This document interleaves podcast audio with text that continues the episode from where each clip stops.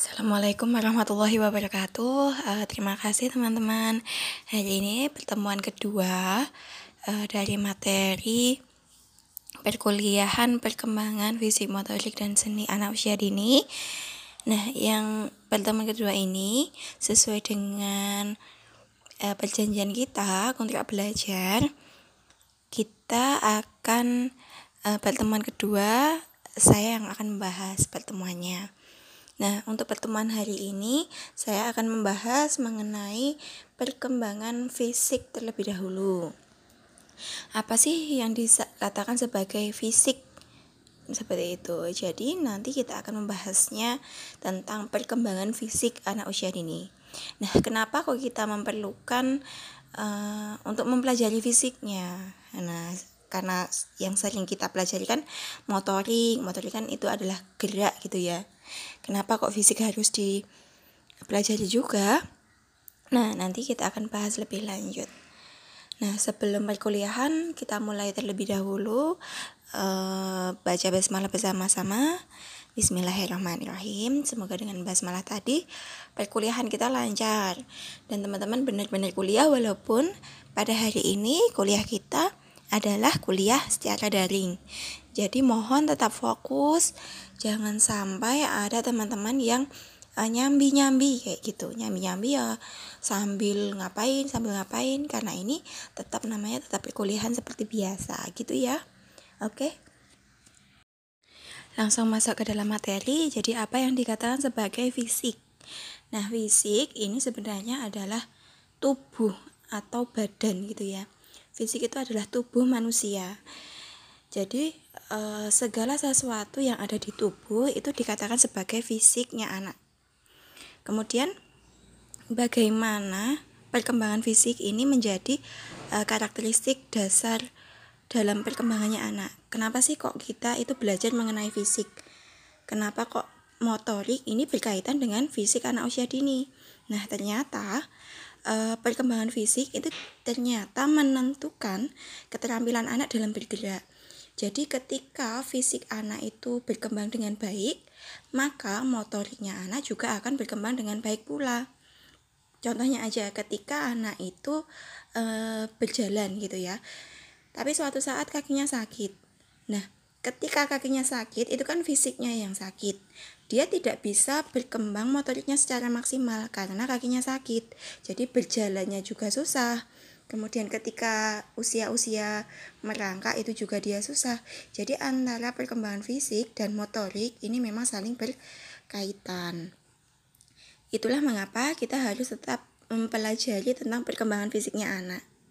Nah, fisiknya itu apa saja sih kalau pada anak? Nah, ini nanti dilihat di PPT ya. Ada beberapa macam uh, aneka perkembangan fisik pada anak.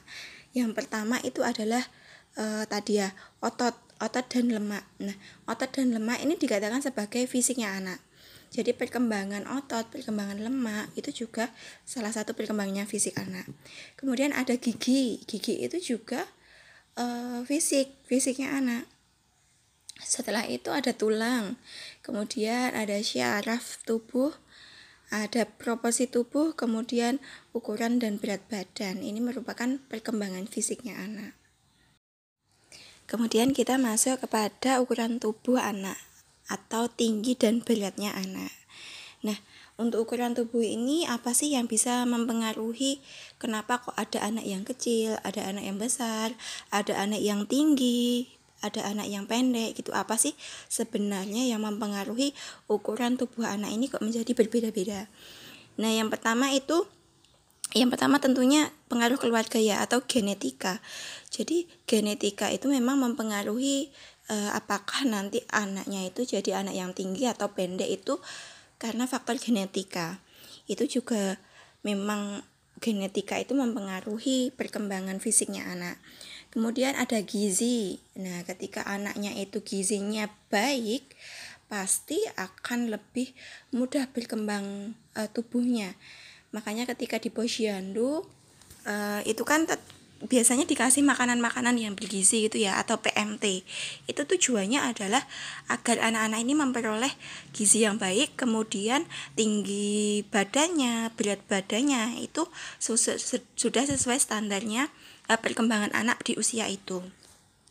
Kemudian uh, ada juga uh, ketika gizinya buruk itu di penelitian-penelitian itu disebutkan bahwa stunting atau apa ya kalau kalau stunting itu kan e, pendek gitu ya cebol stunting itu cebol nah kecebolan atau stunting itu salah satu faktor yang mempengaruhi paling banyak mempengaruhi itu adalah gizi buruk jadi perkembangan fisik itu juga dipengaruhi oleh gizi ini. Gizi ini diperoleh dari makanan, minumannya anak. Jadi memang harus diperhatikan dengan baik. Kemudian yang ketiga itu adalah gangguan emosional. Kemudian jenis kelamin itu juga mempengaruhi suku bangsa. Jadi suku bangsa ini antara mana bangsa kita kan bangsa Indonesia itu ketika disandingkan atau di di apa ya dibandingkan dengan uh, bangsa-bangsa di Eropa itu uh, bahasa di Indonesia itu memang memiliki uh, pendek gitu loh dibandingkan bangsa-bangsa yang ada di Eropa. Jadi memang uh, suku bangsa ini mempengaruhi uh, perkembangan fisik seseorang. Jadi antara bangsa satu dengan bangsa lain ini memang uh, berbeda-beda. Kecerdasan juga mempengaruhi uh, kondisi ukuran tubuh seseorang. Kemudian status sosial ekonomi. Nah, status sosial ekonomi kemudian dikaitkan lagi dengan uh, faktor pembelian makanan dari orang tuanya. Kemudian kesehatan, anak yang sehat itu biasanya memang memiliki uh, ukuran tubuh atau proporsi tubuh yang lebih baik dibandingkan anak yang sakit. Kemudian ada faktor endokrin. Endokrin ini adalah hormon-hormon yang ada di tubuhnya manusia. Kemudian pengaruh pralahir.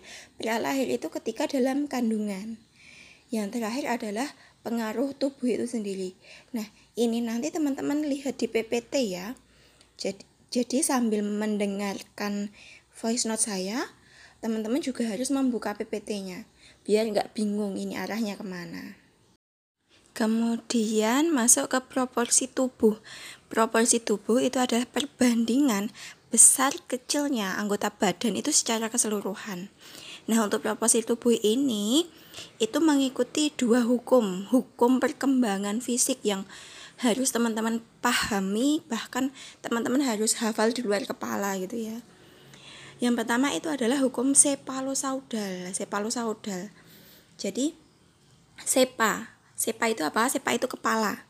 Jadi perkembangan yang mengikuti hukum sepalosaudal itu adalah e, ketika perkembangannya itu berkembang maksimal atau berkembang lebih dulu itu adalah di bagian e, atas, bagian atas e, tubuh manusia. Nah, bagian atas itu kan bagian kepala dulu. Nah, makanya kok bayi-bayi ketika lahir itu memiliki kepala yang besar. Jadi ketika dia lahir itu kan biasanya anak-anak atau bayi yang baru lahir kelihatan bahwa kepalanya besar, tubuhnya kecil gitu ya. Nah, itu ternyata mengikuti hukumnya ini.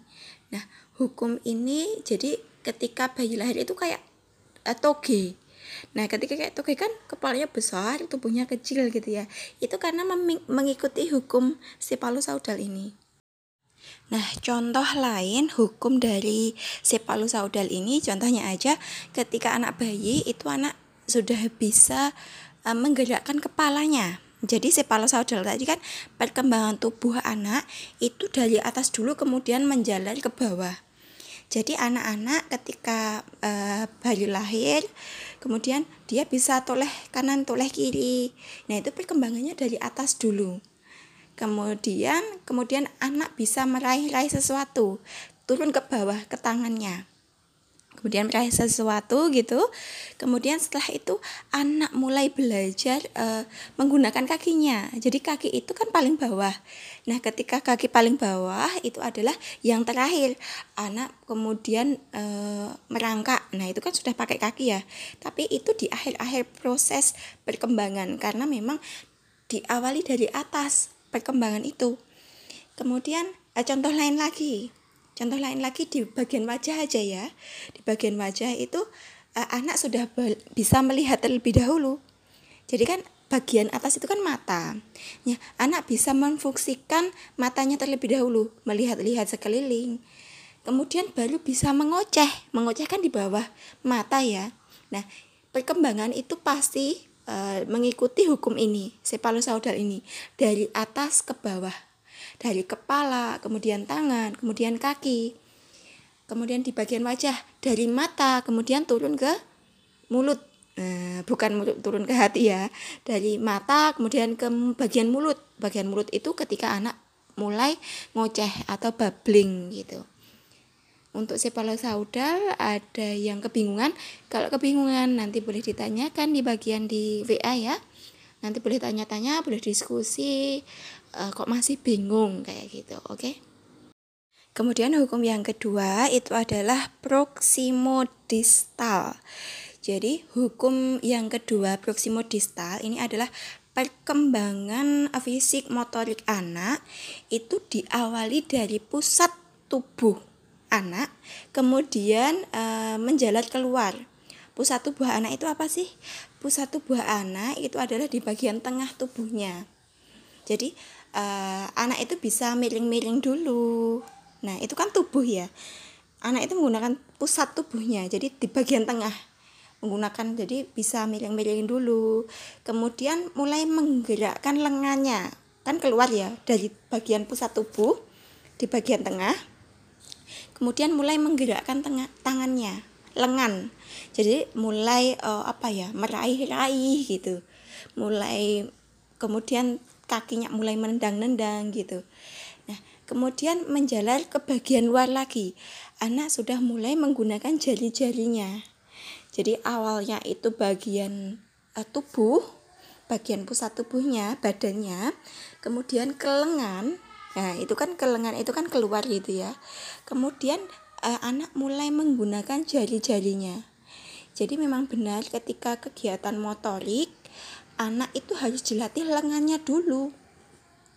Karena pertumbuhannya itu dimulai dari lengan baru kemudian ke jari-jari. Nah, jari-jari ini yang paling terakhir.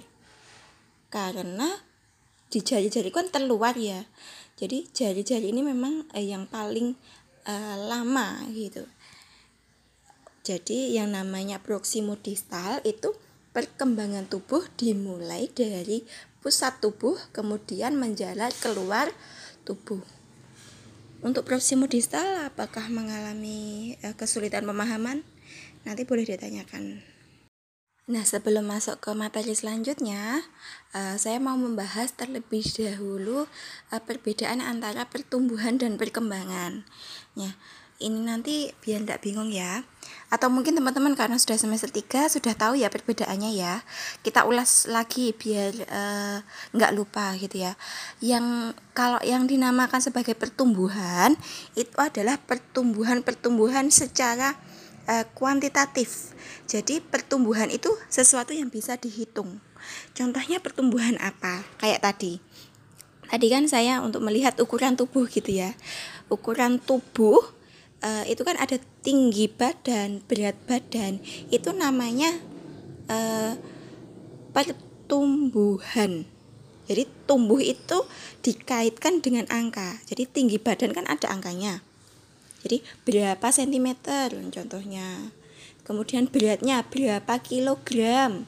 Itu kan ada angkanya ya. Itu ketika ada angkanya seperti itu, itu namanya adalah pertumbuhan. Jadi bentuknya itu secara kuantitatif atau bisa terlihat, bisa terukur. Contohnya lagi, gigi. Nah, gigi itu kan tumbuh ya. Nah, gigi tumbuh, kenapa kok bisa tumbuh? dikatakan tumbuh karena bisa dihitung giginya. Oh tumbuh satu gigi, tumbuh dua gigi, seperti itu. Kemudian uh, ada lingkar kepala. Nah lingkar kepala itu juga tumbuh. Lingkar uh, perut, nah itu juga harus di, diukur ya. Karena kenapa kok harus mengukur segala sesuatu?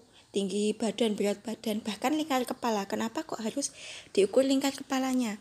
Karena kita e, untuk lingkar kepala itu memang sudah ada standarnya ukurannya. Jadi ketika terlalu besar itu juga tidak baik untuk pertumbuhannya kepala anak. Terlalu kecil itu juga tidak dianjurkan. Jadi memang ada ukuran kepala yang standar untuk anak. Maka ketika ada di posyandu seharusnya bukan hanya tinggi atau berat, tapi ya ukuran kepala, ukuran perut. Nah, itu juga tetap harus dihitung atau diukur. Nah, ketika bisa diukur namanya adalah pertumbuhan. Kemudian temannya, temannya dari pertumbuhan yaitu perkembangan. Nah, bedanya apa? Nah, perkembangan ini adalah uh, apa ya? Perkembangannya itu secara kualitatif. Jadi tidak bisa dihitung secara angka. Nah, yang namanya perkembangan itu adalah sesuatu yang berkembang secara kualitatif. Contohnya, contohnya ketika anak bisa berjalan ketika berjalan apakah itu harus dihitung berapa langkahnya? Tidak usah. Tidak usah dihitung. Nah itu secara kualitatif saja. Kualitatif saja itu maksudnya oh berjalannya apakah sudah lurus atau belum? Berjalannya apakah sudah mandiri atau belum? Nah itu yang namanya adalah perkembangan jadi perkembangan-perkembangan itu adalah sesuatu yang bis, tidak bisa diukur secara kuantitatif, namun harus dilihat secara kualitatif. Jadi e, berjalan, merangkak, kemudian anak bisa jinjit. Nah, itu kan nggak bisa dihitung loh, jinjitnya berapa kali jinjit. Ketika tidak bisa dihitung, itu adalah secara kualitatif yang bernama perkembangan anak gitu jadi teman-teman uh, pasti sudah bisa membedakan ya pertumbuhan dan perkembangan ini Kemudian fisik yang selanjutnya adalah di bagian tulang. Jadi anak itu sudah mulai membentuk tulangnya itu biar berkembang secara maksimal. Nah, tulang ini bisa berkembang maksimal seperti tadi di awal uh, pertumbuhan fisik anak itu dipengaruhi salah satunya oleh gizi. Jadi perkembangan tulang pun itu juga dipengaruhi oleh gizi. Jadi tulang itu akan berkembang maksimal ketika anak itu memperoleh kalsium yang cukup bagi perkembangannya anak. Jadi kurang kalsium itu juga berpengaruh terhadap tulang. Terlalu berlebihan kalsium itu juga tidak baik. Jadi memang e, porsinya cukup. Nah, setelah gizi itu juga adalah olahraga.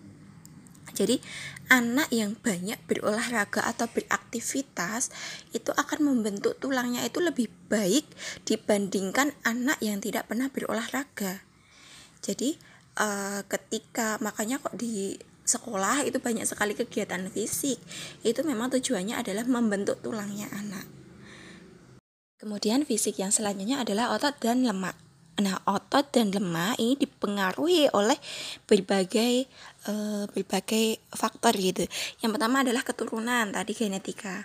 Kemudian bentuk tubuh, bentuk tubuhnya tadi seperti apa sih? Kemudian kebiasaan makan. Kemudian yang terakhir adalah usianya anak. Nah, fisik yang selanjutnya adalah gigi. Nah, semua gigi anak itu adalah gigi susu. Gigi susu ini adalah gigi yang akan tanggal kemudian digantikan oleh gigi yang permanen setelah dia dewasa. Jadi ketika uh, anak itu giginya kok tanggal atau copot gitu ya, itu tidak usah khawatir karena giginya akan tumbuh kembali. Berbeda dengan ketika kita dewasa. Gigi ketika dewasa itu ketika tanggal atau copot itu tidak akan ada yang tumbuh karena bukan gigi susu. Karena kita giginya sudah gigi permanen gitu loh. Jadi ketika orang dewasa kok giginya tanggal ya sudah jadi ompong tapi berbeda dengan anak-anak. Anak ini memiliki gigi susu yang akan tumbuh ketika dia itu lepas. Jadi ketika ada anak kok giginya lepas atau tanggal itu orang tua ataupun guru sebenarnya nggak usah khawatir. Karena akan bisa tumbuh kembali. Nah, gigi susu pada anak ini biasanya berjumlah 20 an, 20 buah. Kem, yang pertama itu bisa dilihat di PPT untuk usia satu tahun itu biasanya tumbuh 4 di bawah, 4 di atas. Nah, ini untuk usia satu tahun. Kemudian ketika dia dua tahun itu mulai berkembang lagi atas bawah atas bawah. Itu biasanya mulai berkembang lagi. Nah untuk pertumbuhan gigi ini uh, seharusnya orang tua juga memahami bagaimana cara uh, menjaga gigi. Karena banyak sekali eh, anak-anak uh, di Indonesia itu banyak sekali. Bahkan kita lihat saja ya kita lihat sekitar kita sendiri aja banyak anak-anak itu yang karies gigi atau giginya ompong atau gigis gitu ya. Itu kenapa kok bisa anak itu banyak yang uh, giginya karies? Nah ini salah satu yang mempengaruhi adalah pola asuhnya orang tua. Bayi-bayi ketika usia satu tahun kan biasanya ngedot. Ketika ngedot itu anaknya selesai ngedot dibiarkan untuk tidur. Padahal seharusnya yang dilakukan orang tua adalah membersihkan giginya anak. Jadi ketika usia-usia uh, satu tahunan itu anak harus dibiasakan untuk membersihkan gigi setelah anak itu ngedot. Caranya gimana? E, caranya banyak sekali. Ada yang bisa dielap. Jadi giginya itu dilap menggunakan kain. Ada juga yang sudah mulai memperkenalkan uh, sikat gigi sikat gigi itu dikasihkan sama anak. Ayo gosok gigi dulu. Itu usia satu tahun itu sebenarnya sudah bisa uh, apa ya dikasihkan sikat gigi yang kecil ukurannya. Jadi uh, karies gigi itu tuh bentuk karena pola asuh orang tua yang kadang tidak tepat. Belum mengajarkan cara membersihkan gigi. Seharusnya anak usia gitu biasanya harusnya dikenalkan untuk membersihkan giginya sendiri. Walaupun ujung-ujungnya orang tua yang membersihkan. Kemudian e, perkembangan yang selanjutnya pertumbuhan dari fisik yang selanjutnya adalah pertumbuhan syaraf dan otak anak. Nah kalau ini saya rasa di perkenalan e, perkuliahan awal teman-teman sudah tahu tentang golden age Nah, golden age kan masa-masa emas. Yang dikatakan golden age masa emas itu adalah masa-masa emas untuk perkembangan seluruh aspek perkembangan, termasuk perkembangan otak. Jadi, otak ketika masa usia dini itu adalah perkembangannya sangat pesat sekali. Nah, anak itu memiliki di syaraf otaknya anak itu ada sinap-sinapnya. Sinap itu yang syaraf yang ada di otak. Nah, sinap ini bisa terhubung satu dengan yang lain ketika ada rangsangan atau stimulasi dari uh, lingkungan. Lingkungannya itu siapa? Lingkungannya itu yang dari orang tua ataupun dari pihak uh, sekolah atau di masyarakat. Nah ketika anak uh, usia dini ini memiliki atau memiliki stimulus-stimulus yang tepat maka pertumbuhan syaraf otaknya anak itu juga akan berkembang dengan baik Berbeda ketika anak itu tidak memiliki stimulasi yang tepat. Nah, simulasi yang tepat itu seperti apa? Simulasi yang tepat itu adalah kegiatan pembelajaran yang bagus bagi anak, yang sesuai dengan perkembangannya anak. Nah, ini uh, akan kita pelajari di pertemuan-pertemuan selanjutnya. Nah, tapi saya rasa teman-teman sudah mengetahui ini makna dari golden age pada anak. Kemudian bagaimana sih karakteristik perkembangan fisik pada anak? Yang pertama pada usia 2 sampai 6 tahun, anak ini akan mengalami perubahan tinggi dan berat badan yang cukup menonjol. Jadi pertumbuhan tinggi, kemudian berat badannya itu biasanya akan mengalami kenaikan yang cukup eh, cukup tinggi gitu di usia 2 sampai 6 tahun. Maka memang harus eh, anak-anak uh, itu memang harus diukur secara per bulan. Jadi setiap bulan itu harus meng apa ya? update oh ini berat badannya tambah segini, tinggi badannya tambah segini, itu memang harus diupdate uh, secara teratur oleh orang tuanya atau di pihak sekolah pun harus biasanya itu ada tes tes ya tinggi badan berat badan itu memang harus uh, di, di dilakukan gitu loh. Jadi sekolah-sekolah yang cukup maju itu memang sudah ada kegiatan uh, bekerja sama dengan dokter-dokter yang ada di puskesmas.